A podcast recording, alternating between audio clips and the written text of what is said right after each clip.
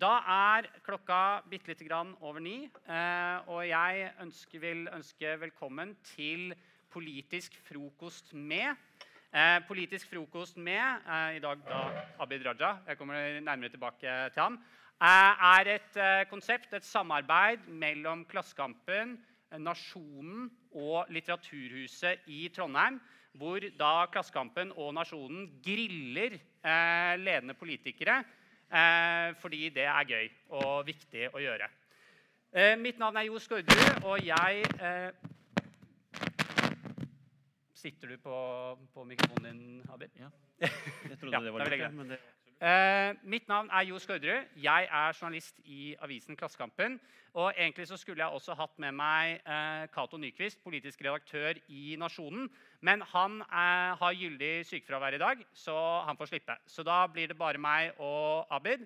Eh, det betyr at det blir mindre landbrukspolitikk og mindre morsomheter om oksemelk enn det vi egentlig hadde håpa. Men det må dere bare, må dere bare leve med. Eh, da er tiden kommet for å Nei, vent. jeg må bare si. Det vi gjør nå er at Jeg og Abid kommer til å snakke i ca. 40 minutter. og Deretter slipper vi til eh, publikum for spørsmål. Vi, og vi må være ferdig til kvart over ti. Men så ideelt sett så blir det omtrent en halvtime hvor dere kan stille spørsmål. Så bare forbered det, og så åpner vi for det etter at vi er ferdig med, med vår del av samtalen. Da er tiden kommet for å introdusere dagens eh, gjest, Abid Raja. Abid Raja er altså 43 år, advokat, stortingspolitiker for Venstre og nestleder i Venstre. Har sittet på Stortinget for Akershus Venstre siden 2013. Og Abid er født i Norge, men foreldrene kommer fra Pakistan. Eh, I 2010 så vant han Fritt Ords pris for sitt bidrag til dialog mellom ungdommer, og da spesielt blant minoritetsungdom. Og så liker vi på disse, på disse møtene å, å gi publikum litt sånn eh, info om, eh, om deltakerne som vi kanskje ikke får plukket opp andre steder. Så da kan jeg informere om at Abid Raja han har bare én nyre. Eh, hvordan det skjedde, har jeg, ikke, har jeg ikke funnet ut av, men det har han altså. Men det har ikke hindret ham fra å løpe maraton veldig veldig fort. På, faktisk klart å løpe en maraton på under fire timer. 3 timer og 55 minutter, hvis jeg er, korrekt. Og gå Birken på ski på 4 15 timer, som er sies det veldig fort. Men jeg har aldri gått Birken, så det vet jeg ikke. Det, dette sier meg at nyre og liksom, sportslig aktivitet ikke har så mye med hverandre å gjøre. antagelig. At nyren har andre funksjoner enn en det. Men uh, det vet jeg ikke. Uh, Abid Raja holdt også på å drukne under kjendisversjonen av 71 grader nord fordi han valgte å legge på svøm uten å kunne svømme. Eh, og måtte da reddes. Og ifølge Internett, og dette har jeg ikke fått bekreftet fra noen andre kilder, så spilte han også på samme skolesjakklag som Nokas-raner David Toska. Men dette er rykter, og jeg vet ikke om det er sant. Det er sant. Det er faktisk er sant. Så velkommen til uh, deg, uh, Abid. Men han var mesterhjernen. Du så jo hvordan det gikk. Ja, ikke sant. Uh, men eh, velkommen til deg, Abid. Eh, og eh, nok eh, koseprat, eh, holdt jeg på å si. Nei, vi skal, vi skal koseprate litt, Bare men korrigere bare én ting. Det, det, alt var riktig også, men jeg er bare født med en nyre, så jeg har ikke gitt den bort. Oh, ja, Så det, okay, ja, ja, og, og, jeg- og så er jeg ikke nestleder i Venstre. Det, det er det alle som går rundt og tror. Selv masse mediefolk. Men det er Ola Elvestuen og Terje er, Breivik. det er veldig pinlig, det der med nestleder på, Venstre. jeg i holdt på å si jeg er ikke nestleder i Venstre ennå, men, ja. eh, men, jeg, eh, jeg beklager veldig det der eh, nestleder i Venstre. Jeg våknet i dag som å si, jeg har glemt å skrive. Jeg må huske å si at han er nestleder i Venstre. han og fremstår som nestleder i Venstre. Fremstår, fremstår. Folk tror at han er nestleder i Venstre. Ja, det er mye bedre! Be beklager, beklager det. Men han er ikke det. Men han er ikke det. Men han det. har bare en nyre. Har bare, ok, Men vi må, vi må videre, Abid. Det- Vi må videre. Ja, fun okay. fact egentlig på ski er jo at første skirennet jeg gikk, der brakk jeg jo skulderen. Så det var jo 3000 hvite nordmenn i løypa, én brun nordmann, og den ene brune nordmannen ble henta med ambulanse. Så det var jo det var ikke særlig kjekt. Nei. Enda morsommere var at det var, det var så veldig vondt, så jeg ble liggende i den stillinga der. Og da var det en som var på skiforbud som sa bare 'Abid, det er ikke tid for å be til Allah nå!' Så, så det var uh, Henta med snøscooter. Ja. Ok, jeg, jeg, jeg skjønner at jeg har en, eh, en jobb å gjøre med å styre dette møtet i dag. Eh, ok, skal vi se. Det er Eh, synd du er aleine, for du ja. hadde trengt en med makker i Ja. dag. Eh, vi, må, vi må over til alvorlige temaer, Abid. Fordi at mens vi sitter her, så er du hovedsak i absolutt eh, alle mediekanaler. Eh, fordi du til NRK har uttalt deg om denne aktuelle saken om disse IS-barna. Spesifikt så er det nå et barn som sitter i en eh, leir nede i Syria, som er veldig sykt. Eh, leger frykter at ungen kan dø.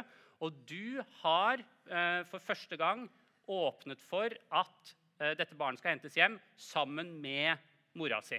Eh, og linja fram til nå fra regjeringa har vært at disse barna skal bare hentes hjem hvis mødrene blir værende. Hvorfor, hvorfor eh, har du snudd i denne, denne saken?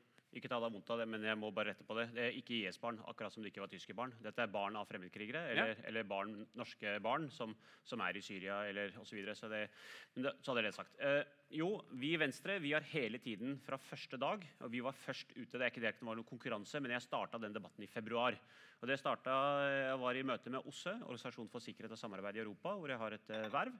Uh, hvor vi var i Frankrike for å høre om erfaringene de gjorde seg. Og Deres erfaringer var at vi må hente hjem igjen europeiske barn som har krav på å komme tilbake til Europa på senere tidspunkt, fordi de er europeiske statsborgere. Og eh, La oss bare legge vekk nå alt det der, våre etiske, moralske og humanistiske plikt, eller mm. i hvert fall den følelsen vi bør ha og bare se på sikkerhetsaspektet. Og Da var det sikkerhetssjefen i DGSI, altså tilsvarende PST og så videre her i Norge, som sa at ja, det var ikke han som sa det, men det var en i det som sa at hvis ikke vi henter hjem disse barna nå, når de er fire, fem, seks, ti år og helt ufarlige, og reintegrerer dem i europeiske land, så vil disse komme tilbake igjen potensielt senere som voksne missiler mot Europa. Mm. Og Vi kommer ikke til å klare å nekte dem adgang. Da er de ferdig radikalisert med trening og motivasjon til å ramme Europa, og de kommer til å ha krav på å komme tilbake. For all europeiske land sier én ting, og det er at ingen land kan nekte å ta imot sine egne borgere. Ja, og har du da, norsk, har du da altså, fransk eller norsk mor, og har krav på norsk statsborgerskap, så kan ingen land nekte deg adgang tilbake. Og Rent sikkerhetsmessig så er det i vår egen beste interesse å hente hjem igjen disse barna tidligst mulig. Fordi en fireåring er ikke radikalisert. Mm. Men kommer han tilbake som 20-åring, så er det mye større sjanse for at vedkommende er radikalisert. Det er sikkerhetsaspektet. Men i dette tilfellet først og fremst så handler det om i møte med det totalitære, for det er det det er. Disse folka her, eh, fremmedkrigerne, kalifattilhengerne, eh, eh, ekstremistene, de hadde ikke skånet våre egne unger. Det har de heller ikke gjort der. De har drept jesidi-kvinner over lav sko. De har drept andre folk som, eh, som, ikke trodde på de samme tingene som de ønsket å tro på. De har voldtatt kvinner, holdt dem som sexslaver, og de har drept små barn. Det har de holdt på med. Men i møte med det totalitære så må vi allikevel opprettholde våre humanistiske verdier. Mm. Og det er da vi må kunne si at vet du hva, disse barna her, de er helt uskyldige. De barna har ikke gjort noen ting galt, og vi skal stille opp for ethvert barn fordi vi har lært av vår egen historie mm. hvordan vi behandlet ja, i anførselstegn nå, tyskerbarna. Det, den feilen skal ikke vi gjøre igjen. Så vi i Venstre har sagt at vi er ikke interessert i å hjelpe noen kvinner. Eh, de har sjøl valgt å dra ned dit av egen fri vilje. Noen dro av kjærlighet til eh, disse fremmedkrigerne. Noen dro der fordi det var spenning, og noen dro dit fordi de var allerede ekstremistiske mm. i sin mm. tankegang. Ja. Men vi ønsker ikke å hjelpe disse. I denne konkrete ene situasjonen mm. så har denne fireåringen dette er altså barnet til Bastian, en, eh, en veldig ekstrem Bastian Vasquez, han, han som, ja, som, er en, en, kjent morder og IS-bøddel. Han, var, ja. han var en ja, han ordentlig ekstremist og terrorist. Han er død. Ja. så dette er barna hans, eh, og han har, barna har også en norsk mor. Så han har besteforeldre på begge sider. Chilenske besteforeldre i Norge og pakistanske besteforeldre i Norge. Han har tanter og onkler som er godt integrert i det norske samfunnet med gode utdanninger.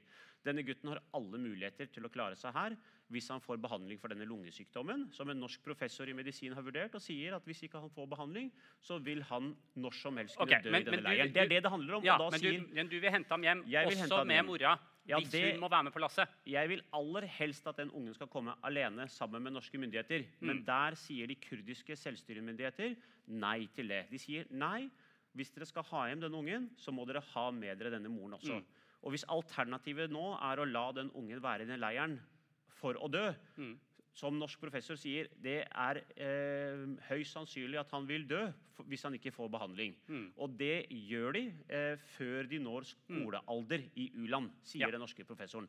Og da er et alternativ ja, vet du hva, eh, vi kan la han være der fordi vi ikke ønsker å hente hjem den mora. Eller så kan vi la vår humanisme vinne frem og mm. si vi henter hjem også den moren, så må hun stå til rette for politi, for domstol, for rettsvesen og fengsel dersom vilkårene er oppfylt for det. De må gi henne den, den helt fortjente behandlingen hun skal få eh, ved å gå gjennom det rettsapparatet.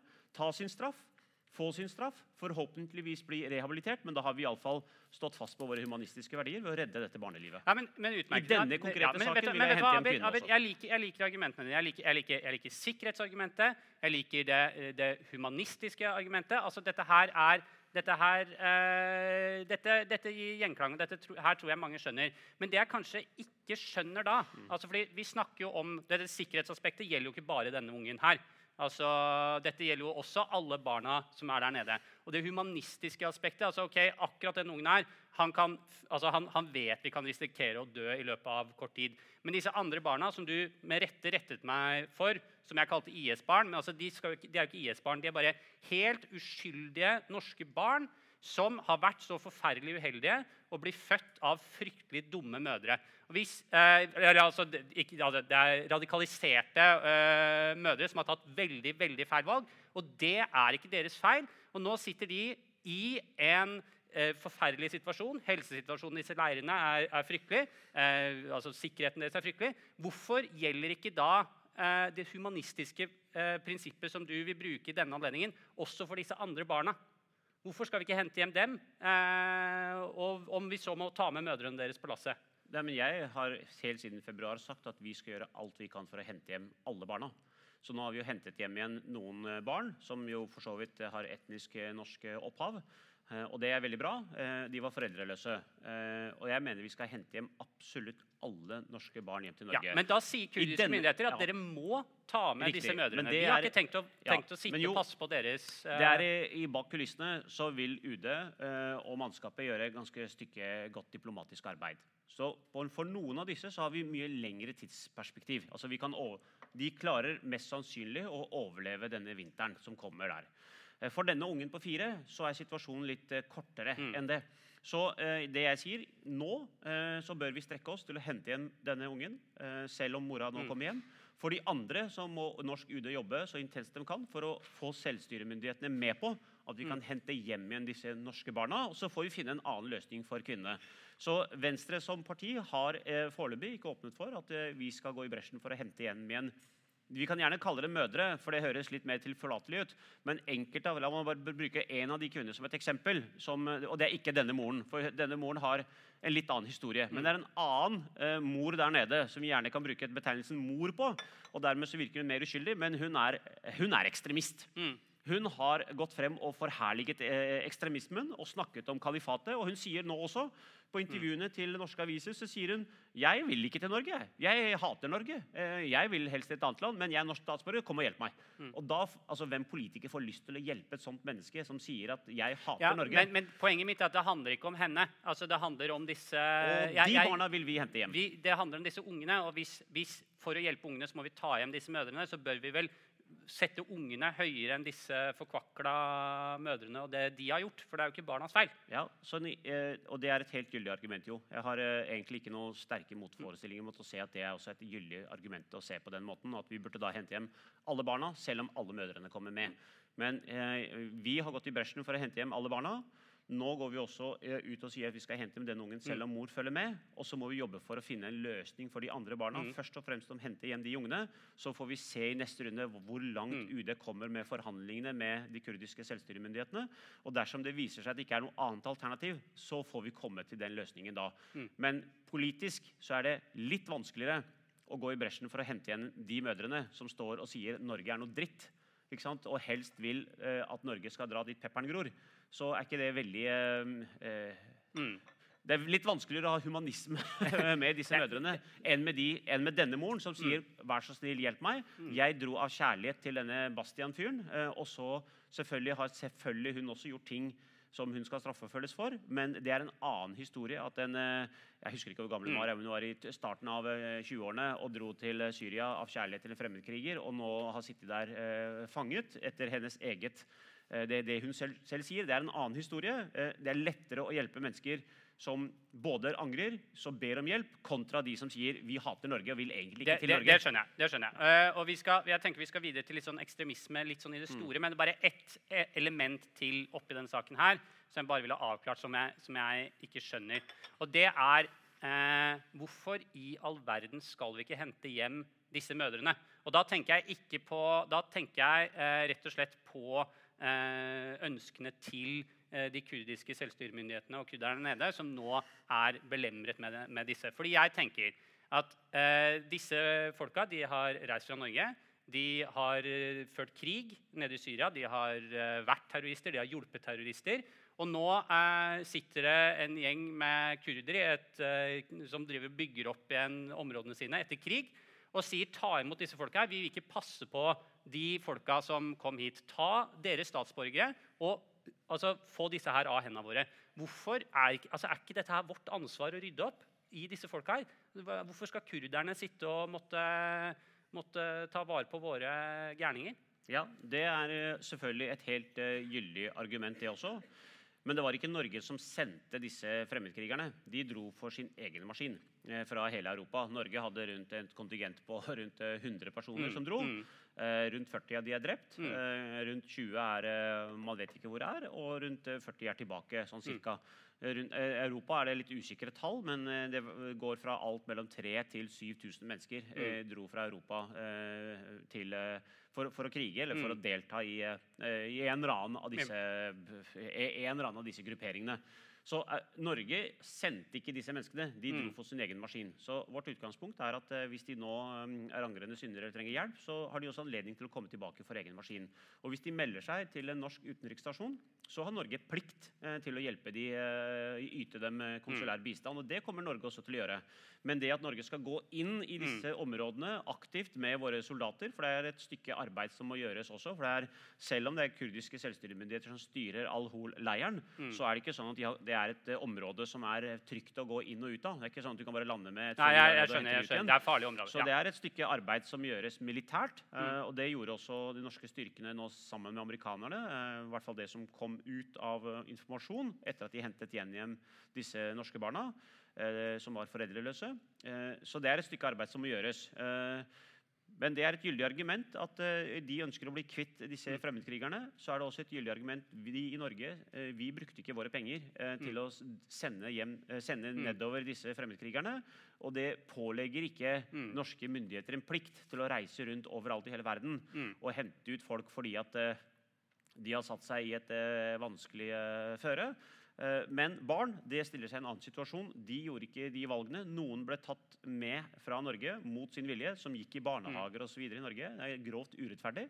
At norske barn som bodde i kanskje i nabolaget her, ikke sant, og så havnet i Syria, det er grovt urettferdig mot de barna, og der må norske staten stille opp. Ok. Um, så hører det jo med til historien. Det kommer til å være et gjennomgangstema i temaet vi kommer innom i dag. er at eh, FRP, Etter at du kom med dette utspillet ditt, så var jo FrPs Jon Helgheim var raskt på banen og avviste fullstendig dette forslaget. Det er ikke noe helt, Nei, det er ikke noe nytt. Det er helt uaktuelt. Men, uh, De vil jo ikke hjelpe noen barn. Det, men uh, vi i Venstre mener noe helt annet. Og regjeringa det må huske at når vi starta den diskusjonen tidlig i februar, så sa også Erna Solberg Mm. og regjeringa nei, vi skal ikke hente hjem noen barn heller. Mm. Så har vi Venstre faktisk klart å bevege regjeringa til at vi har sagt vi skal hente hjem barn, og har hentet hjem barn. Mm. Nå sier vi i Venstre at vi vil også hente hjem dette barnet, selv om mor kommer med på lasset. Mm. Så vil jo det ikke skje sånn at det skjer i morgen. Men vi skal nok jobbe også i, innad i regjering for å få dette til, sånn at denne, dette barnet får den nødvendige helsehjelpen han fortjener her hjemme i Norge. Kjempefint. Eh, for, for å ta dette her med altså Du jobber jo mye med ekstremisme. Eh, du, du er jo blitt leder for en sånn ekspertpolitikergruppe i regi av OSSE, Organisasjonen for sikkerhet og samarbeid, nå nettopp. Og, og da, det gjør deg kanskje i eh, god stand til å svare på det neste spørsmålet. For som du sa, da, så var det jo 100 stykker, 100 unge mennesker, som dro ned til dette liksom makabre terrorkalifatet for å, for å begå forferdelige forbrytelser, vel vitende om at de begikk eh, Altså at de drev med grove menneskerettighetsovergrep. Eh, hvordan i all verden vi, vi, må, vi må fatte oss litt i korthet her, Abid, men hvordan i all verden kunne det skje? Og hvilke grep må vi ta for å unngå at sånne ting skjer igjen. Altså Og det skal jeg svare kort på. Ja, du må svare kort på det, for at vi skal også innom oppvekst og miljø. Det skal vi. Ja, altså Det er ikke mulig å svare kort på det. Vi må starte med å, altså, En ting vi må huske når vi snakker om uh, fremmedkrig og ekstremisme, det er at uh, vi har hatt dette på kroppen sjøl med 22.07. Det er også en, en, type ekstremisme. Så vi må ikke miste av syne at ekstremismen kommer i veldig mange former. Uh, det kommer som hvite ekstremister som vil drepe muslimer, eller de som er interessert av et mangfoldig samfunn. Eh, det kommer andre politiske ekstremister, som vi vet eh, har fantes i Irland f.eks. Eh, og, og, det kommer også andre typer ekstremismer. Nå har dette vært i fokus de siste årene, helt naturlig nok, og det bør få sin fortjente fokus. helt riktig. Og så er det, I disse fremmedkrigerne så er noen av disse er helt åpenbart i den kategorien at de er radikaliserte i utgangspunktet. Enten sjølradikaliserte ved at de har sittet på internett og googla og funnet ut at uh, verdensbildet er slik og slik, eller at de har blitt uh, radikalisert av noen ledende figurer eh, som har aktivt radikalisert disse. Og Retorikken bak det er samme retorikken som Osama bin Laden preket. Han sa, til, han sa til sine tilhengere og dette refereres veldig jevnlig av ekstremister. Han sa eh, slik europeerne, eller de vestlige folka, elsker livet. Mm. Og sitatet hans sa sånn, As you love life, uh, we love death. Eh, så den martyrdøden som selges inn i dette ekstremistmiljøet, er veldig høythengende. Så er det mange andre årsaker som vi kan snakke om. Det er liksom en, en tredjedel av disse. En tredjedel av disse er i utgangspunktet litt sånn spenningssøkende. Mm. De, eh, de, har ikke så godt radikalisert sinn men de søker en type spenning og tilslutter seg dette. Og en tredjedel av disse er sånn som deg. altså hvite folk. Eh, som jeg tenkte som, journalister i Klassekampen. Ja. det var veldig... ja, en type, en type klassekamp. Kanskje ja, det òg. Altså, men de er, eh, altså, de er, hvite konvertitter fra Europa eh, som har eh, dels hatt, eh, satt i anførselstegn Dette er jo forskning jeg refererer. Jeg har hatt en del taperliv. rett og mm. slett, altså Falt utenfor samfunnet, har egentlig ikke noe mening med livet. Eller er Venstre radikale. Eh, og, eller har andre De vil gjerne forandre samfunnet med bruk av makt og midler. Og det de gjør gjennom islam, eller gjennom denne forvridde versjonen av islam, er at de får en uh, 'glorious purpose', sier mm, ja. Gilles Capel, som er en ja. av verdens fremste forskere i Frankrike. De blir gitt en, uh, en høyverdig mening med livet en større oppfatning om seg sjøl, og ikke minst at de kommer til å dø et heltemodig død. Det kommer til å bli husket, komme i historiebøkene, og så ikke minst at de får disse 70 jomfruene. Ja, så, der, så, en tredjedel av de kontingentene som har dratt fra Europa, er overraskende nok ikke født muslimer, ja. men blitt muslimer fordi de enten har blitt konvertert eller eh, blitt sjølradikalisert eller har villet oppsøke krig. Men Dette er en viktig analyse, men hvordan, veldig kort, hvilke grep politisk kan sånne som deg, altså stortingspolitikere, politikere ta ja. for å hindre at dette her skjer? Altså det, er, det, er, det, er, noen grep man må gjøre på kort sikt, og så er det noen grep man må gjøre på lang sikt. På kort sikt så er det jo ekstremt viktig at man følger med på eh, Vi har fremmedkrigere i Europa nå som sitter i fengsel. De skal slippe ut. Hvordan skal de rehabiliteres i fengslene? Hvordan skal man jobbe med de når de kommer ut? Det å styrke eh, PST i Norge og lignende etterretninger i andre land, det er ekstremt viktig. Viktig er at disse etterretningene snakker med hverandre. Vi har jo såkalt passfrihet i Europa. Så det at fremmedkrigere beveger seg over landegrenser uten at nabolandene vet om det, det er ikke en akseptabel situasjon. Så vet vi også det vet vi av rapporter. Eh, at det kommer flyktninger som er helt legitime, gode flyktninger eh, som trenger vår hjelp osv. Men innunder der så hender det også at en og annen fremmedkriger sniker seg inn med falsk mm. identitet. Så det at man har gode ID-kontroller ved grensene, det er ekstremt viktig. Særlig hvor de store mengdene kommer inn, om det er i Italia eller Hellas. Det er liksom På kort sikt så er man nødt til å hindre at Eh, nye grupperinger oppstår. Og På lang sikt så handler dette om veldig krevende, vanskelig integreringsarbeid. Et integreringsarbeid vi i Norge faktisk skal lykkes veldig godt med. I Norge så går integreringen egentlig veldig fantastisk. Mm. Vi har veldig mye å lære bort til mange andre land. Også, vi trenger ikke å gå til Frankrike og England for å se at ting ikke lykkes. Det er bare å gå over til Sverige og se hvordan ting kan gå galt. Hvor, hvor, altså, vi har fått et etablerte begrep i Norge, svenske tilstander. Det har vi heldigvis ikke i Norge. Fordi vi ja, Her lykkes alle mennesker. Det, det er, eh, alle får like muligheter på skolen. Eh, det er, lav, det er rasisme i Norge også. Det er også diskriminering i Norge, selvfølgelig, men det er lav grad av det. Det er stor tillit mellom befolkningsgruppene. Og vi har gode måter å integrere befolkningen på. Det gjør at eh, vi lykkes veldig mye bedre med integreringa. Men i det lange løp så handler det om verdisynet. Det er ikke noen, en eller annen eh, veldig populær mann sa dette. Det handler ikke om fargen eh, på ditt ansikt som skal avgjøre hvordan vi skal bedømme deg, men det er karakteren inni deg. Og Hvis vi bedømmer alle mennesker ut fra hvordan de er, eh, hvordan de opptrer, eh, hva slags verdier de målbærer, så tror jeg vi kommer til å få dette til. Og må huske at Alle undersøkelser i Norge som er blitt gjort på dette, viser at innvandrere flest helt opp i sånn 5-96 rapporterer at de ønsker å være integrert del av Norge. De sjøl vil bli integrert. Så er det noen prosent som ikke vil det, og det må vi leve med. Sånn vil det alltid være. Eh, eh, men de vil integreres, og da handler det om språkopplæring, det handler om utdanning, det handler om å få seg arbeid, det handler om eh, lav kriminalitet, men det handler også om verdier. At vi aldri må gå på akkord med verdiene som er bygget opp dette landet. Det er demokrati, det er ytringsfrihet, det er religionsfrihet. Mm. Og det er ikke minst likestilling.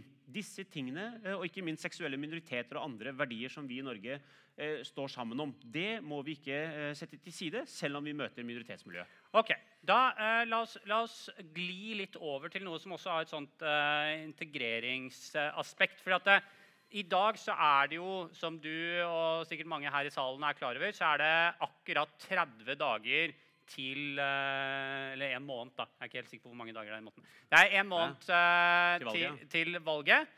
Uh, og en av, en av, de tingene som ser ut til å bli en slagmark i den, eller et stridstema i kommunevalgkampen, det er oppvekst, mm. oppvekstsektoren.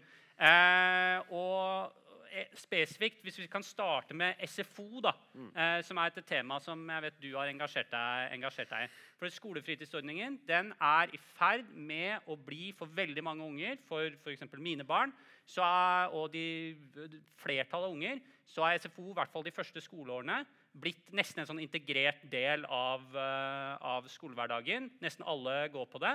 Men så har du fortsatt en uh, ganske stor gruppe Eh, særlig med folk, lavinntektsfamilier, mange fra, med innvandrerbakgrunn, som står utafor SFO-fellesskapet. Eh, en undersøkelse i Dagsavisen nå så svarte 70% at de mener at det bør bli gratis. Eh, Venstresida, som har penger til alt, de, eh, de, har, eh, de, skal jo gi gratis SFO til alle. Hva, hvor, står, hvor, står, Venstre i det, det, spørsmålet? Eller du, da? Mm. Det er veldig hyggelig å høre at du, har, eh, at du har, barn som går i SFO. For da eh, begynner foreldra som har barn i SFO, å skjønne liksom, politikken rundt dette. Jeg har jo sjøl tre barn som, har, eh, som, går på grunnskolen nå. og har vært på SFO, og jeg, og jeg, har gjort meg en del erfaringer med det. Og så var jeg så heldig at jeg fikk ledet Venstres oppvekstkomité i 2016. da vi la frem ny politikk på dette området. Det var litt banebrytende, så vi var først ute som, på de tingene som jeg skal komme med. Det var viktig å ha med en del ting. Det ene er at, eh, veldig raskt, ja. altså, Barnehage, f.eks. Eh, Venstre gikk i bresjen for gratis kjernetid i barnehagen. Det vil si at Hvis familier nå tjener under 550 000, så får de gratis kjernetid i barnehagen. Det, er si to, altså det er to hvis jeg og dama til sammen, sammen tjener, tjener 550 000 kroner. Ja, så får du gratis kjernetid i barnehagen 20 timer. Men det, det er, en... ganske lite, da. Altså, da tjener vi lite. Men, men, okay. vi kan komme tilbake til det. Vi kan, sorry, kommer tilbake til det. Ramse opp videre, du, så kan vi ta det. Ja, men det er veldig mange barn som nå får gratis kjernetid i barnehagen. Og det har vi flytta grensa fra fem til fire til tre, og nå toåringer. Pga. Venstre er i regjering. Det er en ekstremt viktig tiltak for de barna. For det er nettopp de barna som trenger det mest barnehage, som ikke fikk det. Nå får de gratis tilbud om dette. Du og jeg vi kommer til å betale, klare å betale for barnehagen. Det er veldig mange lavinntektsfamilier som ikke har prioritert barnehage. Nå får de dette. Det er viktig, fordi da lærer de språk i barnehagen. Det er kulturutveksling i barnehagen. Vi lærer å bli en del av et fellesskap. Og dette er et helt vesentlig viktig tiltak. Nå er vi ferdig med den reformen. Vi har fått til nå at absolutt alle barn i hele Norge, uavhengig av om foreldra tjener eller ikke tjener, har mulighet til å gå i barnehagen. Veldig bra reform som Venstre har stått for og gjennomført. Nå vi, ja. går vi over til SFO, for det er den andre viktige biten. Der har vi sagt akkurat det samme. Det vi sier, det er at vi vil bruke fellesskapets penger. Ikke til alle. Det er ingen mening at dine unger skal få gratis SFO. Det er ingen mening at folk som tjener en million kroner, skal få gratis SFO. Det skal være de barna som ikke har råd til å gå på SFO. I dag går 98% cirka, går i barnehagen, men 75% går på SFO. De 25% som ikke er på SFO, det er barn som har foreldre som ikke har råd til å eh, betale for det. Nettopp de foreldra som har inntekt på rundt 550 000. Grensa kan flyttes. Vi kan flytte til 600 700 Det handler om et budsjettspørsmål. Poenget er at alle barn skal få gå på SFO uavhengig av foreldrenes inntekt, det er Venstres politikk. Ikke å gi bort penger til absolutt alle. Det er det ene. Det andre jeg mener, og det vi mener, er at eh, SFO må ha en innholdsreform. Mm.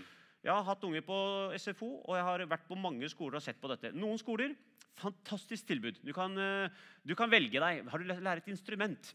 Har du lyst til å gå på idrett? Eh, Er det, er det, er det, er det kultur? Du kan lære drama osv.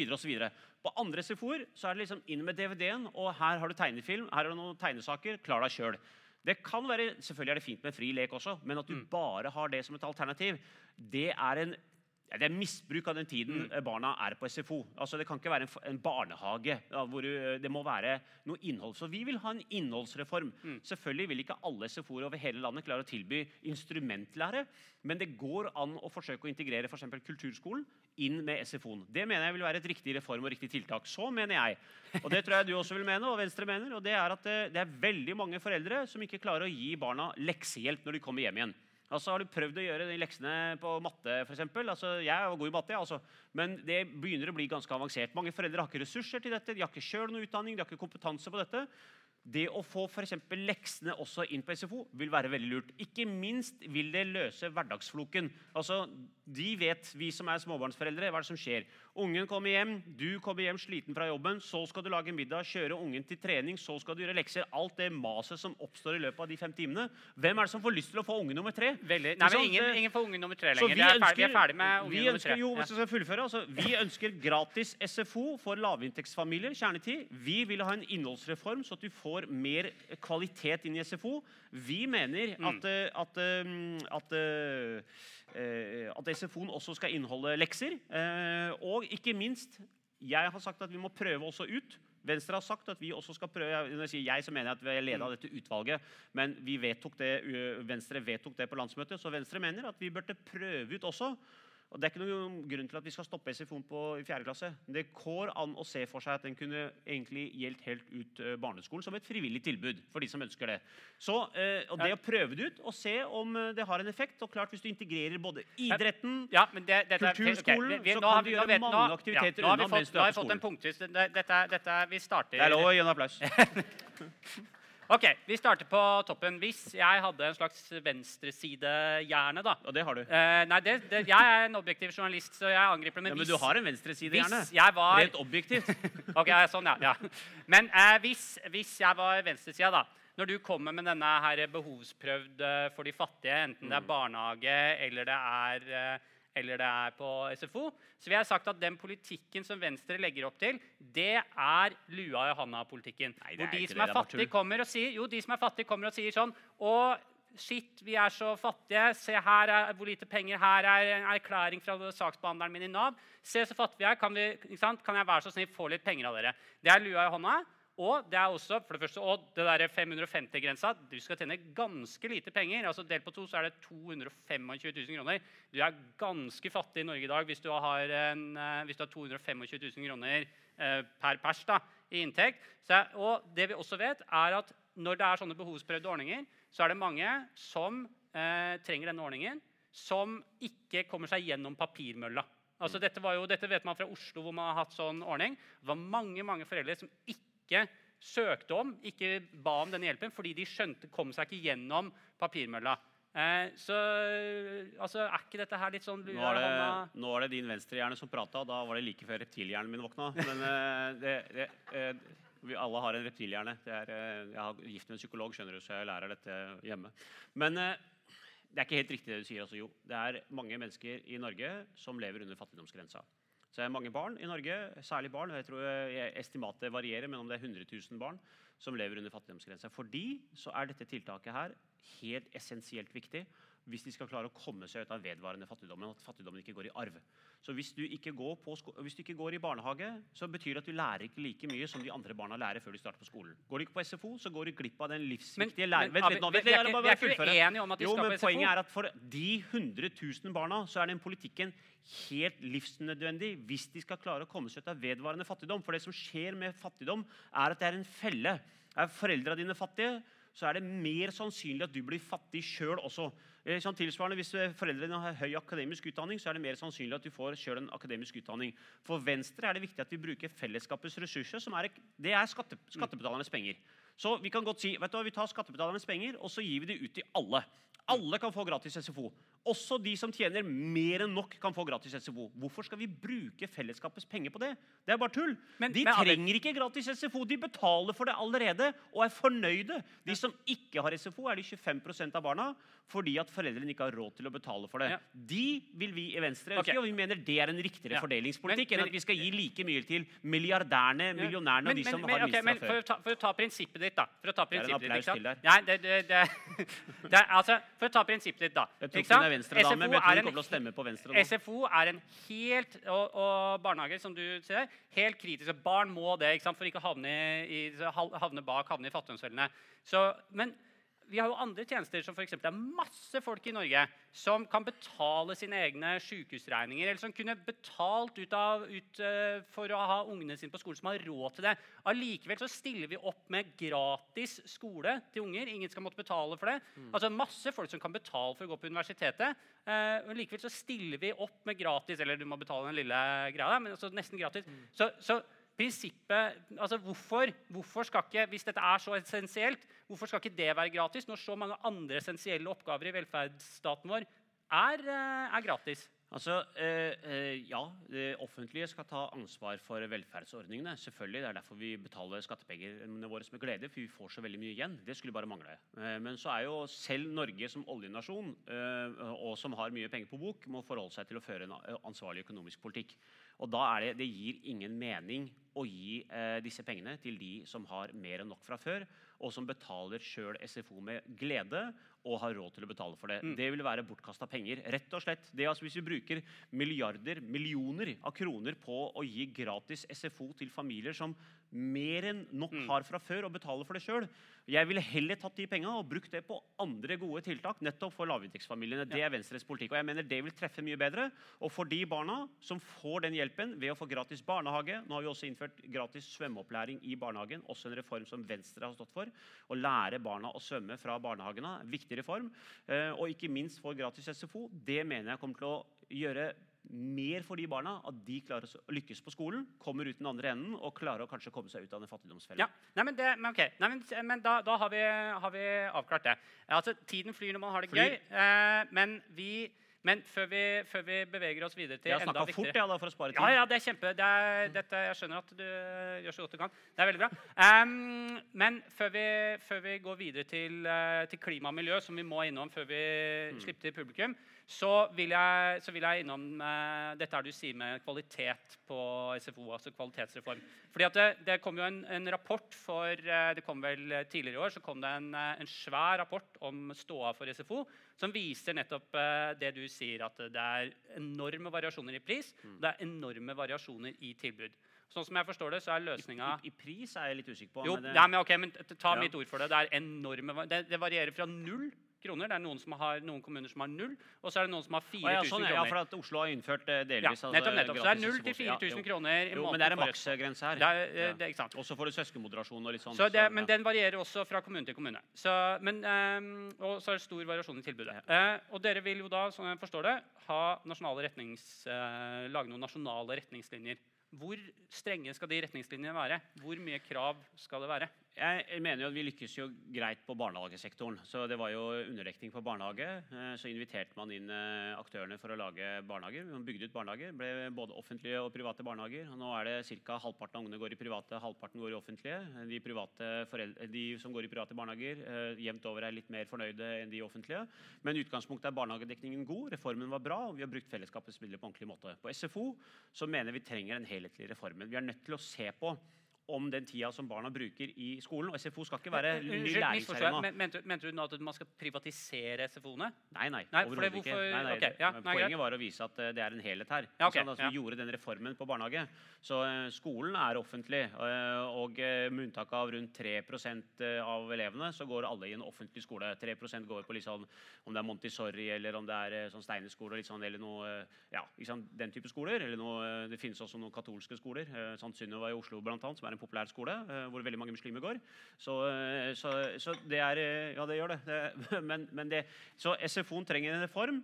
den reformen bør være slik at den vil jo ikke være lik. For det er forskjell på hva Trondheim kan tilby sine elever her, og hva en bitte lite distriktskommune langt ut i havgapet kan tilby. Men det må være en reform både på at det er mer enhetlig, og man har noe å etterstrebe seg til hva gjelder kvalitet. Det er ikke der de skal lære, men det er læringsstøttende aktiviteter. Klart det, Hvis det er noen som driver med instrument her, vil skjønne at det å lære et instrument det har en verdi i seg sjøl, men det oppøver også noen evner oppi hjernen som kan være læringsstimulerende. Eller om du driver idrett sammen med andre unger, så gir det noe om samspill som igjen kan gi læringsutbytte på skolen. Pluss så får du masse venner på SFO også. Eh, det er der på en måte mange vennskapsbåndene lages, og ikke minst er der du avtaler at du blir med hverandre hjem osv. Hvis du går glipp av den fellesskapsarenaen fordi de tilhører de familiene som ikke har råd til å betale for det, så faller det jo nødvendigvis litt etter eh, ja. skritt for skritt. Okay, og det er der så, vi trenger ja, reformen. Men dere vil ha læringsstøtteaktiviteter. fordi frykten, frykten Og så må kommunen kunne variere ja. innafor det. Ja, for fordi... alle kommuner vil ikke kunne tilby alle ungene å lære piano. Men Nei. alle kommuner må kunne tilby i hvert fall et minimum av et repertoar okay, aktivitetstilbud. Ja. Men fordi, fordi grunnen, til at, grunnen, til at, jeg spør, er at her i Trondheim så har SFO hatt en veldig klar og tydelig satsing på dette med fri lek og verdien av barnets frie lek. Og det man er bekymra for i Trondheim, det er at dere politikerne sentralt, mm. som sitter i Oslo og har ungene deres på altså, AKS og sånt nå, mm. i Oslo, skal se på aks, og så skal dere prøve å trekke aks nedover huet på alle oss eh, som er masse sånn læringsstøtte aktivitet og, og, liksom integrere matte i leken. Og sånt nå. Og I Trondheim så er det veldig mange som ikke vil ha det, og vil at ungene skal på en måte løpe rundt og slå hverandre i hodet med pinner. eller det de ja. har lyst til, da, uten at, eh, uten at politikerne bestemmer hva de skal gjøre. Ja. Så det jeg lurer på er på en måte komme ungene til å få lov til å styre leken sjæl etter at dere er ferdig med å altså, fri, reformere? Fri lek jo, det er noe av det mest essensielle ungene gjorde. Altså, det er jo og det som vi gjorde som når vi var barn også. Det, og det er en viktig kvalitet i seg sjøl. Men barna er samtidig å si, altså, barna er på skolen. Eh, noen ganger så slutter de klokka ett på skolen, eh, og så er de på SFO-en i et par-tre timer.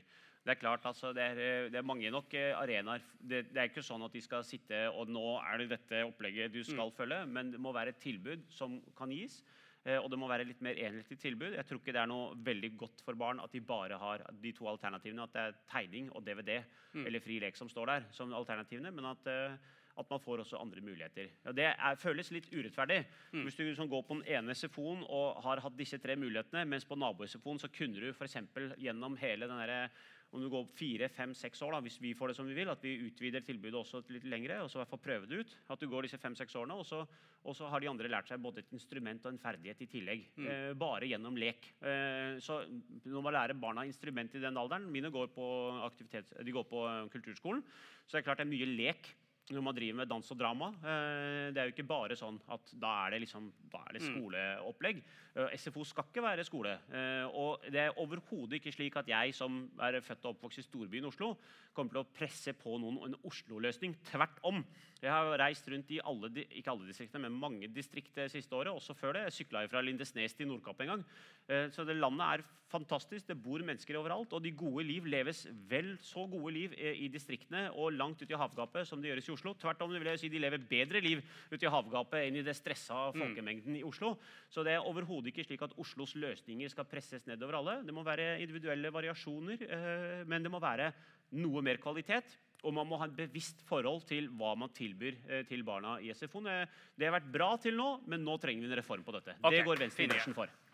Um, det, det er, jeg merker at dette her er veldig mye vi kunne snakka om på oppvekst. Og, mm. men, uh, men, vi har uh, rett og slett ikke tida til det, for vi må også innom Det er fordi måte, du snakker så mye.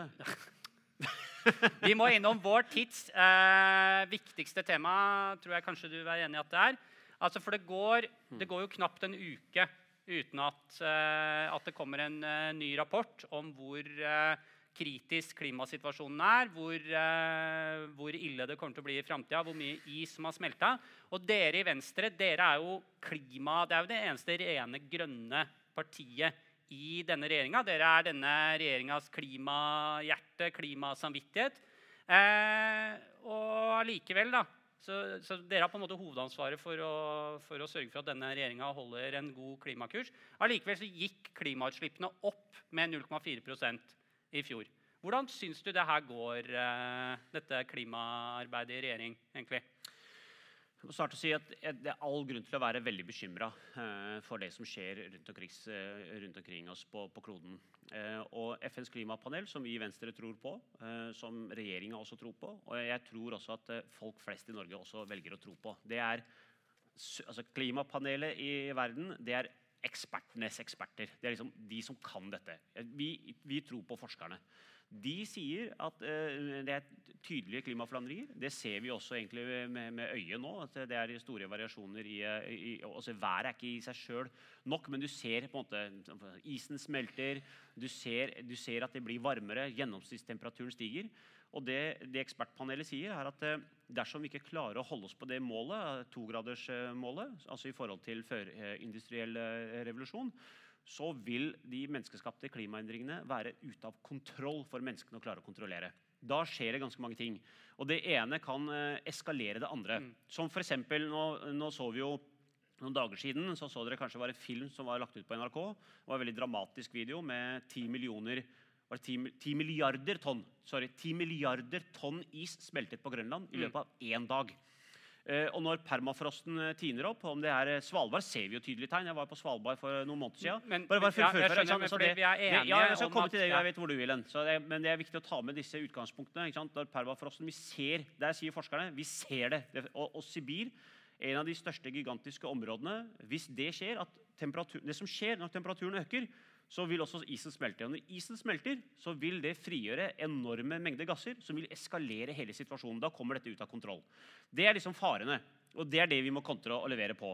Norge er en veldig stor, uh, vi har et veldig stort fotavtrykk uh, per innbygger så forurenser vi nest mest i verden. Hmm. Det, det, er, det, er, tallene. Så selvfølgelig i, i, i, absolutte tall så er vi forsvinnende små. Det er Kina størst og USA nummer to.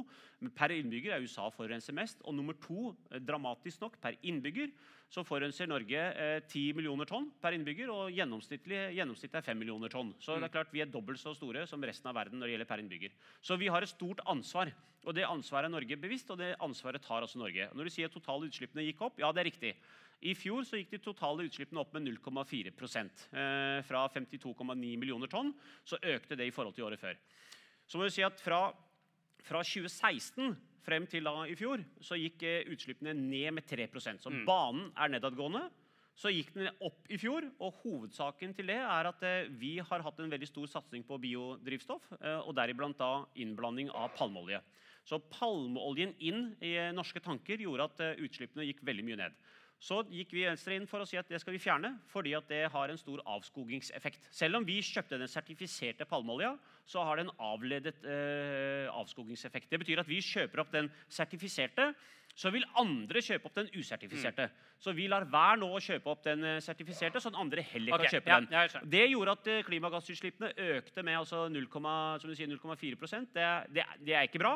Ikke bra i det hele tatt, men det, alle prognoser viser at de kommer til å fortsette å dale nedover. Og selv om vi solgte jeg tror det var 7% nedgang i salg av olje og diesel i Norge, så gikk utslippene opp fordi at, hovedsakelig fordi mm. at, eh, fordi at eh, vi ikke har lenger okay, innblanding okay. av palmeolje. Så det er årsaken. Ja. Men vi gjør Husk at Norge ligger veldig i front når det gjelder eh, klimaløsninger. For det første så er vi jo vi har en vannkraft, så vi er, vi er jo, vi, vi er jo kjølforsynte på fornybar. Det er det ene.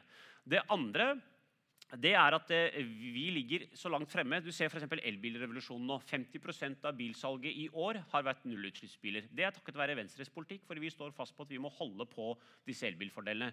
Og Samme året i fjor, hvor for første gang altså utslippene gikk litt, litt opp, så var det første året hvor absolutt alle byene i Norge hadde ren luft. Under det skadelige eh, NOx-nivået. Så politikken virker. I tillegg så må jeg bare minne på at eh, For noen år siden så, så eh, var det sånn budsjettforhandlinger på Stortinget. og Vi i Venstre vi krangla inn en setning eh, som sa et eller annet eh, nøyaktig formulering, jeg husker ikke, men at eh, når man skal ha nye anbud på disse ferjene, så må vi stille krav om nullutslippsløsninger pang lå den setningen der, og veldig mange som sa at det er utopi som Venstre snakker om. kommer ikke til å skje noen ferger. vet du. De kommer til å gå tomme for batteri midt på fjorden der, og som kommer til å bli krise overalt. Det var liksom det, profetien fra den andre sida. Vi sa vi er, vi er fornøyde, den setninga skal stå der. Så stilte vi krav om at nye ferger de må stille med nullutslippsløsninger. Og nå ruller det ut altså ferger over hele landet som har batteriløsning. Og det Estimatet er at det kommer til å bli 80 slike ferger innen 2022. Jeg var, rett før jeg kom hit, så var jeg i eh, Møre og Romsdal. og det er ganske utrolig plansje her. da, Dere kan ikke se den, men jeg kan vise bare et- hovedtallet. Pga. den politikken som Venstre har ført på eh, til sjøs, så har de redusert sine utslipp fra ferjene fra 62 tonn til 22 tonn. 70% nedgang. Okay. Så det er klart jeg- vi jeg- gjør veldig mye i regjering. ok, Vi gjør ikke, altså, Norge gjør ikke nok. Norge skal gjøre mer, bør gjøre mye mer. Men det er klart Venstre utgjør en stor forskjell i regjeringa. Ok, flott. Nå skal jeg, bare, jeg må bare ta en sjekk. Hvem er det som veit at de har et spørsmål til Abid etterpå? Bare sånn at vi passer på at eh, eh, Ok, det er i hvert fall to stykker. Da kan vi holde på eh, et, et par minutter til, men da må vi bare Jeg være regner med du skal snakke om bompenger? ja, fordi det var det. Fordi at det er rett og slett, fordi Du sier jo ikke sant, vi er enige om klima, vi er enige Mm. om at klimaendringene er viktige og sånt nå i, i regjering. Men altså, det er jo en ganske jeg skal passe på å få med deg, det er en ganske stor uenighet eh, i, mellom dere og Fremskrittspartiet om i hvert fall hvor viktig disse klimaproblemene er, og, og prioriteringene. Det må man vel si. Og som, Den saken som har kommet nå, er denne bompengesaken, som jo er, har tunge klimaimplikasjoner. Og Dette har jo blitt et slags sånn være-ikke-være for Fremskrittspartiet, mens dere i Venstre har jo satt dere på, satt dere på bakbeina. Egentlig, hvorfor kan dere ikke eh, komme til en slags løsning der? Nå må jeg snakke til høyrehjernen min, så ikke jeg sier noe kontroversielt. for det kan fort skje i denne Du må gjerne her. si kontroversielle ting, Abid. Det er helt altså, greit. eh, da, Hvis du snakker litt høyt da, eh, med, med, med, med den indre stemmen ut altså, Vi er verdens beste land. Det har FN kåret oss til jeg vet ikke hvor mange ganger. Vi er verdens beste land. Vi har lengst levealder, høyest utdanningsnivå. Vi er til og med nå kåret som verdens lyk lykkeligste land. Det blir, I sånn globalt perspektiv så tenker jeg fy søren, det kan ikke stemme at 25% av Bergens befolkning nå skal stemme på bompengepartiet for den ene saken. 25% av Bergens befolkning har virkelig ikke da så dårlig råd at de ikke klarer å betjene denne bompengegjelda. Og vi har ingen bompengekrise i Norge. Det er det ene. Og så kan vi gjerne si ja, det er krise for den enkelte familie. Ja, det er det. For den enkelte familie som ikke klarer å betale for det fordi at de har dårlig råd, der har vi i Venstre sagt at vi skal sosialt utjevne dette, og det driver regjeringa og utreder. Men de tre krisene vi egentlig har i verden, utenom klimakrisen, som vi har snakket om, det er global fattigdomskrise, hvor folk dauer av sult. Og så har vi da den store migrasjonskrisen, hvor millioner av mennesker er fordrevet fordi at det enten er klimaendringer 25 millioner mennesker årlig fordreves pga. klimaendringene. Og så er det selvfølgelig pga. krig og, og andre typer forfølgelser at mennesker drives på flukt. Dette er de store krisene i verden. Bompenger for verdens beste land, lykkeligste land, rikeste land. Det blir virkelig navlen. også. Og jeg gleder meg stort å se disse målingene som kom i går, eh, som viser at Venstre er på vei opp. Eh, Vi er nå over 4% 4,1. Pilene går bare den veien. Og jeg ser at disse bompengepartiene er på vei ned. Men og, det, og det er bra. Poenget Ja. med det er at folk i Norge Og jeg skal ikke ta noe ære for dette. Mine fedre var ikke her engang. Vi kom jo på 70-tallet. Jeg var født i Norge i 75. Men forfedrene deres de har bygget dette landet. Ikke sant? Og Det kan være det var Venstre på starten, når vi var største partiet. Så kom liksom Arbeiderpartiet og det Senterpartiet og Høyre. Mange partier i Norge har vært med på å bygge et fellesskap av verdier. Et god næringspolitikk hvor vi kan skape og vi- kan grunde nye bedrifter. Eller det være seg syke eller helsevesen. Vi har sett på helheten. Hvis alle partiene i Norge eller folk begynte å stemme på ensakspartier, og vi hadde vi blitt enøyde som nasjon. Altså, så jeg mener at Bergens befolkning, ja, de som sliter, eller rundt omkring i andre bompengelistene, de skal få den nødvendige hjelpen ved at vi skal sosialt utjevne disse greiene. At de klarer å betjene bompengegjelden. Men for all del, jeg mener eh, vi kan ikke bli så egoistiske at vi skal begynne å stemme etter ensaks. Da legger du vekk alt det Norge er, og som deres forfedre har bygget opp, som vi nå er her og nyter og tar del i. Men Norge har bygget opp nettopp av en helhetlig politikk, og énsakspartier bygger ikke noe enhet. Ok, Men, men eh, jeg må innrømme at jeg, jeg blir litt forvirra på hva dere, hva dere egentlig mener på dette bompengespørsmålet. Jeg skal fjerne forvirringa. Ja, det er bra. Fordi For fire måneder siden, i april, så skrev du på sosiale medier at bompenger er åpenbart ute av kurs, de rammer mange usosialt, og flere blir regelrett flådd. For mange har Ja, det, blitt riktig. for mye. Ingen skam å snu. Så 2. august så tråkket du Frp skikkelig på tærne i hjertesaken og sa at dere ikke har noe å gi Frp i bompengespørsmålet. Du advarte mot klimakonsekvensene av å gi etter for bompengepartier og sammenlignet bompengesaken med irriterende kjøttrester blant, mellom tennene. Veldig, veldig irriterende. Ja, så, så, i forgårs eller noe sånt nå, så går du inn for å heve den statlige satsen på kollektivprosjekter eh, til 70, fra 50 til 70% som vil bety noe sånt som 10 milliarder av skattebetalernes uh, penger, og som vil eh, senke behovet for å ta inn bompenger, og dermed komme Frp i møte altså, og gi Frp noe på Mm. bompenger. Så hva, hva er greia? Ok, Nå skal Ja. jeg fjerne all Ja, forvirringa. fjern all tvil. Absolutt alle de tre resonnementene henger på greip. Ok. Så det første er at eh, vi har allerede i desember i fjor Torgeir Randa var der. Han eh, sitter der og sitter i landsstyret for Venstre. Vi og jeg og Torgeir Randa og vi andre vi var med på å vedta på landsstyret før nye regjeringsplattformer beskrevet at vi vil at det skal bli en bedre sosial profil på bompengene. Det har Venstre sagt. Det står også i regjeringsplattformen. Det er vår politikk. Og det andre er, ja, bom Bompengesakens størrelse er ikke noe viktig størrelse. Det er viktig for de familiene. De skal vi hjelpe. Det er kvittert ut. Men selvfølgelig vi i Venstre vi ønsker at de store kollektivprosjektene som f.eks. Bybanen i Bergen, Fornebubanen eh, i, eh, i Bærum, eller det være seg Busway i, eh, i Stavanger eller metrobussene her i Trondheim Vi mener at de store kollektivprosjektene som dette de skal få 70% statlig finansiering. Det, er vår politikk. Vi har presset regjeringa med på 50 Det er det vi har klart i regjeringsplattformen. Det står at skal, det skal inn med 50% Men det kan økes til 70 Hvis man øker til 70 så vil den lokale kontingenten gå ned fra 50 til 30 Og da vil man redusere eh, den egenfinansieringa. Og hovedsakelig er det egenfinansiering av bompenger. Så vi sier jo ikke 50 til 70 fordi at vi er opptatt av bompengene. Vi sier jo dette fordi vi vil realisere disse store kollektivprosjektene. Og det er mer realisme i å gjennomføre store kollektivprosjekt som vi virkelig trenger for å nettopp få ned utslippene hvis staten går inn med en større kontingent. Som konsekvens av dette så vil selvfølgelig bompengeandelen gå ned. Det er en bieffekt, og det skal ikke jeg stille meg og si at det, det, det er ikke hovedårsaken. Hovedårsaken er at vi ønsker å bygge ut kollektivtrafikk. Det har Venstre alltid jobbet for. Det jobber vi for sentralt, det jobber vi for lokalt. Og jeg vet at Erling her er veldig, veldig opptatt av at vi skal både få disse metrobussene til å gå mer effektivt, enda mer effektivt. De skal få bedre betingelser, og pluss at man skal få ja, jeg tror Det kan hende det kommer en sak fra han, jeg skal ikke røpe det, men det kommer en sak fra han eh, i morgen, tror jeg, som skal handle litt om eh, eh, hvordan man skal prise dette. Ok. Så vent i spenning. Ja. Snakk med Erling eh, om hva han mener eh, Jeg ser at NRK her er, om eh, hva han ønsker å gjøre med billetteringa eh, for dette. Og det er, det er i tråd med Venstres Ja. politikk. Vi har alltid kjempet for kollektivtrafikk. Og det at staten tar 70% andel av de store kollektivprosjektene, ja, som konsekvens så vil bompengeandelen gå ned. Formålet er ikke å redusere bompengene, formålet er å realisere disse kollektivprosjektene. Okay. Det er okay. vår politikk. Så alt det henger på greip. Så er, jeg skjønner jo når jeg, snakker, når jeg gir et intervju til en avis, så tar ikke alle avisene med seg det skjønner dere, denne helheten. Jeg har kommunisert alt dette hver eneste gang, og så kommer det et lite bruddstykke ut, og så fremstår det litt sånn som det fremsto for deg. Men hvis man hadde hørt resonnementet i sin helhet, så er det egentlig eh, Det er, det er gjennomtenkt, skjønner du. Ok, ok. Ja, men da, da får vi stole på at det er gjennomtenkt. Eh, men eh, to veldig kjappe spørsmål før vi, Ja. før vi, slipper, til, eh, før vi slipper til publikum. Nå er, jeg- jeg beklager til alle. Vi har ikke rukket innom vindmøller, og det, det rekker vi faktisk ikke innom. Så, men det blir da, du det skal bare vent. Oh, ja, det Still, meg spørsmål, så kommer Men det er de to siste spørsmålene jeg lurer på, er uh, Første Jeg regner med noen kommer til å stille meg ja, no, Husk, noen kan spørre om vindmølle. Er, er du sikker på, eller kan du med et alvorlig, liksom ærlig fjes her, si at dere får mer igjen i klimasaken ved å samarbeide med Fremskrittspartiet enn dere ville ved å søke samarbeid andre veien? Fordi Frp er et særlig er- altså De skiller seg ut i klimapolitikken. Er du sikker på at, eh, eller Kan du si med alvorlig fjes at dere får mer igjen på klima ved å samarbeide med Frp eller, enn dere ville fått hvis dere samarbeidet andre veien?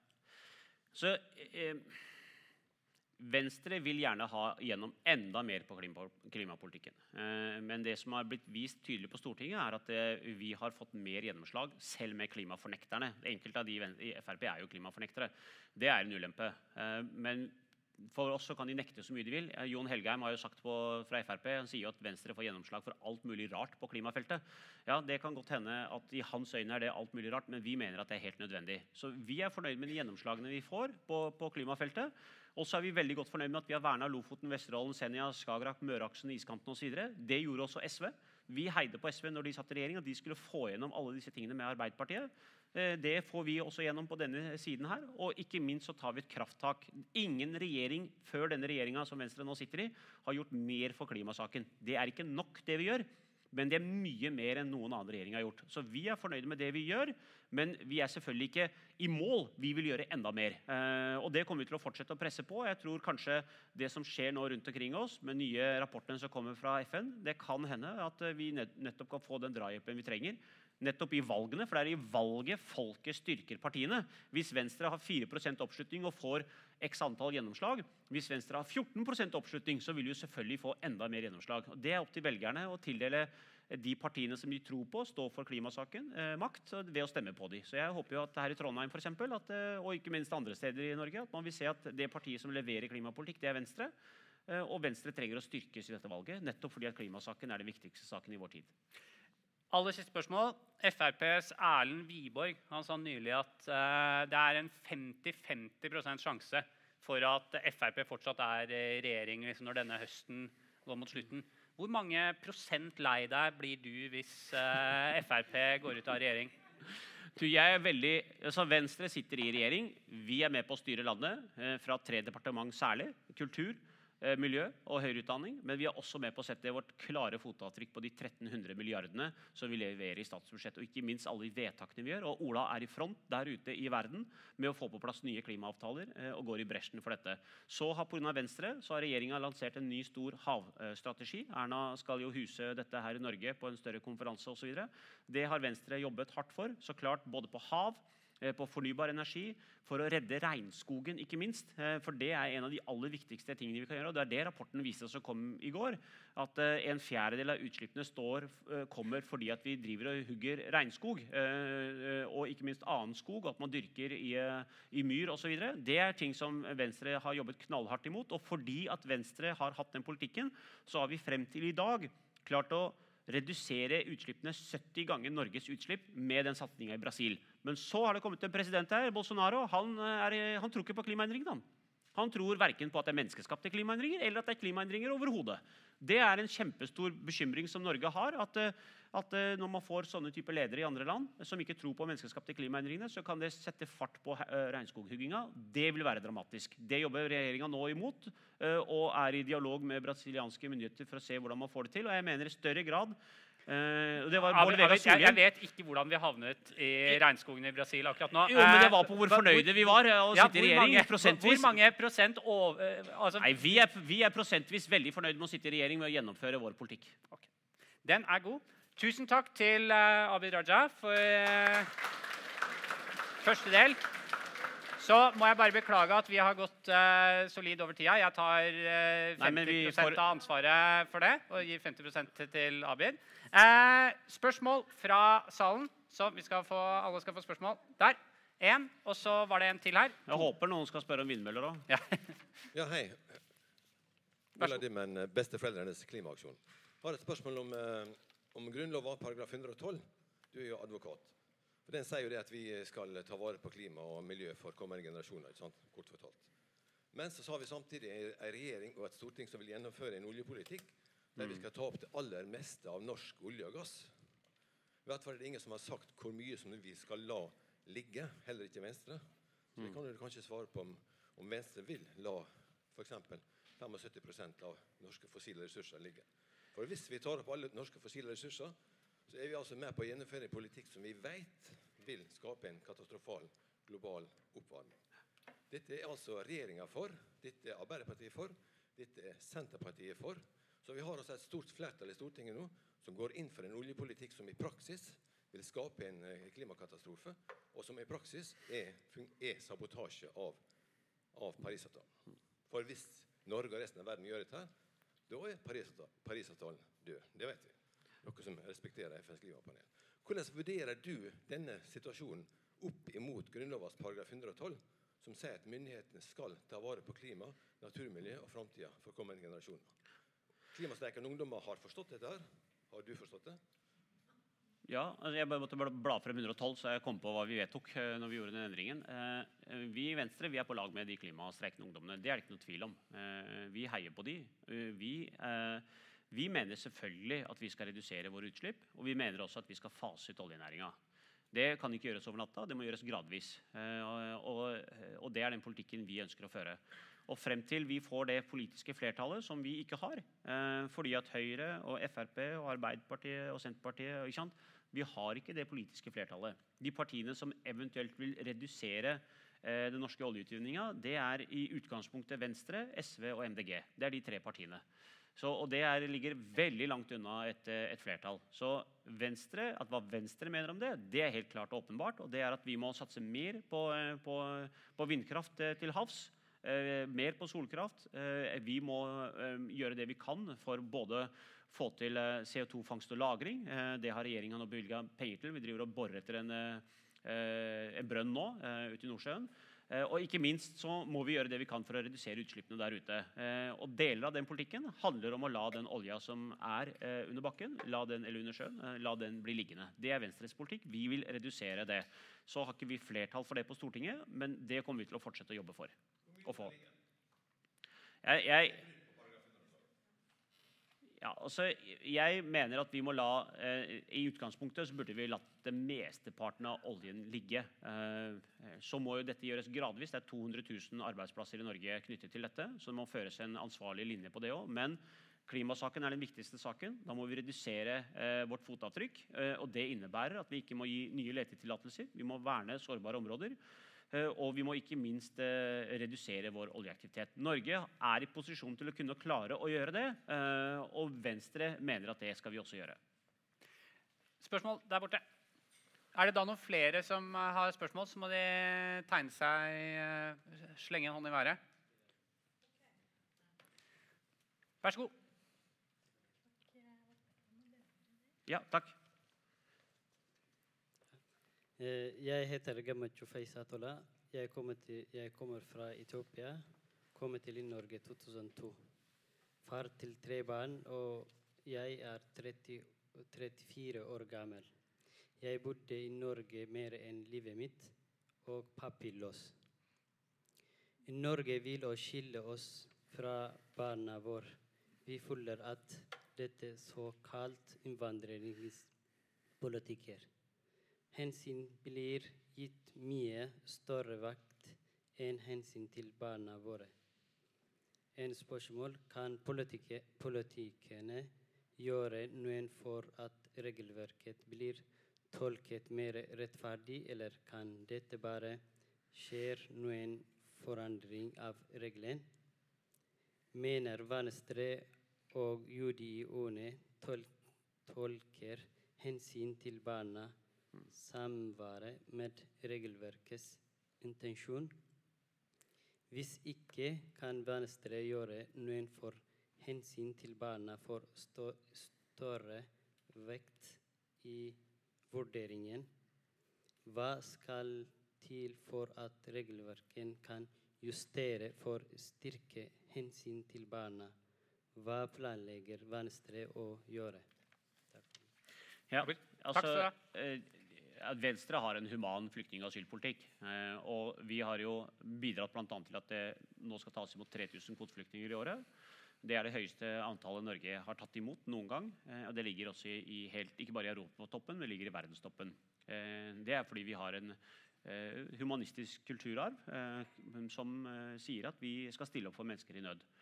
Og så er det en komplisert situasjon med familier som er her, lengeværende, som, som enten har fått avslag på sin uh, søknad, men uh, allikevel har blitt. Uh, ikke reist frivillig, og heller ikke blitt transportert ut.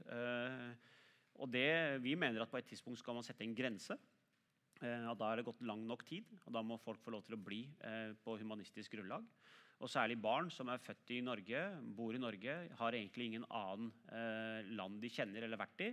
Eh, når de starter på skolen osv., at de skal reves eh, vekk fra det nærmiljøet de er i, for å flyttes tilbake til land de overhodet ikke kjenner, det mener vi ikke er en, det mener vi ikke er en god politikk. Det jobber vi imot. Så, eh, og Det kommer vi til å fortsette å gjøre, på lag med de partiene som står for det synet. Og Det synet deles ikke av særlig to partier. og det, På denne siden av politisk aksen så er det Frp, og på den andre siden av politisk aksen er det Arbeiderpartiet. Så eh, Arbeiderpartiet og Frp har jo mye likere politikk på dette feltet enn noen andre partier. Eh, og det ser dere med stadighet, at eh, også fra byen her så er det Rita Ottervik som forsøker å tale sentrale Arbeiderpartimakta imot. Men sentrale Arbe- Arbeiderpartimakta eh, de bøyer ikke av. Eh, De står for en eh, streng og restriktiv linje.